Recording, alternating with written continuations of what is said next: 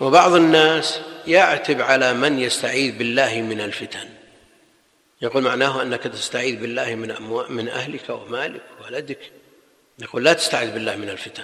معناه أنك تريد أن تتجرد من هذه الأمور.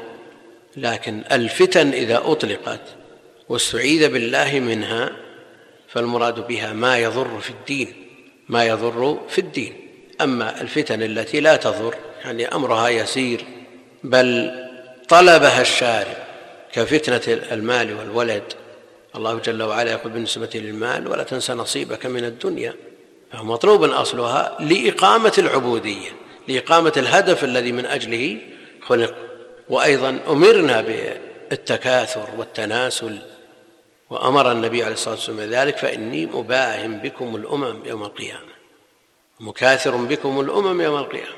فنحن مأمورون بكسب المال من وجهه لكن لا يكون هدفا.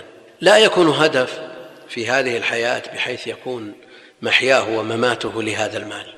يضحي بكل شيء من أجل المال كما رأينا وسمعنا في هذه السنين المتأخرة بعد أن فتحت علينا الدنيا. المقصود أن هذه الفتنة أعني فتنة المال وإن كان أصلها مطلوبا لا تنسى نصيبك من الدنيا إنما طلب لتحقيق الهدف الذي من أجله خلق وهو العبودية لله جل وعلا. إذ لا تقوم الحياة إلا بالمال. لا تقوم الحياة إلا بالمال. وأيضا طلب الولد لبقاء النوع والجنس الإنساني ليعبد الرب جل وعلا إلى قيام الساعة.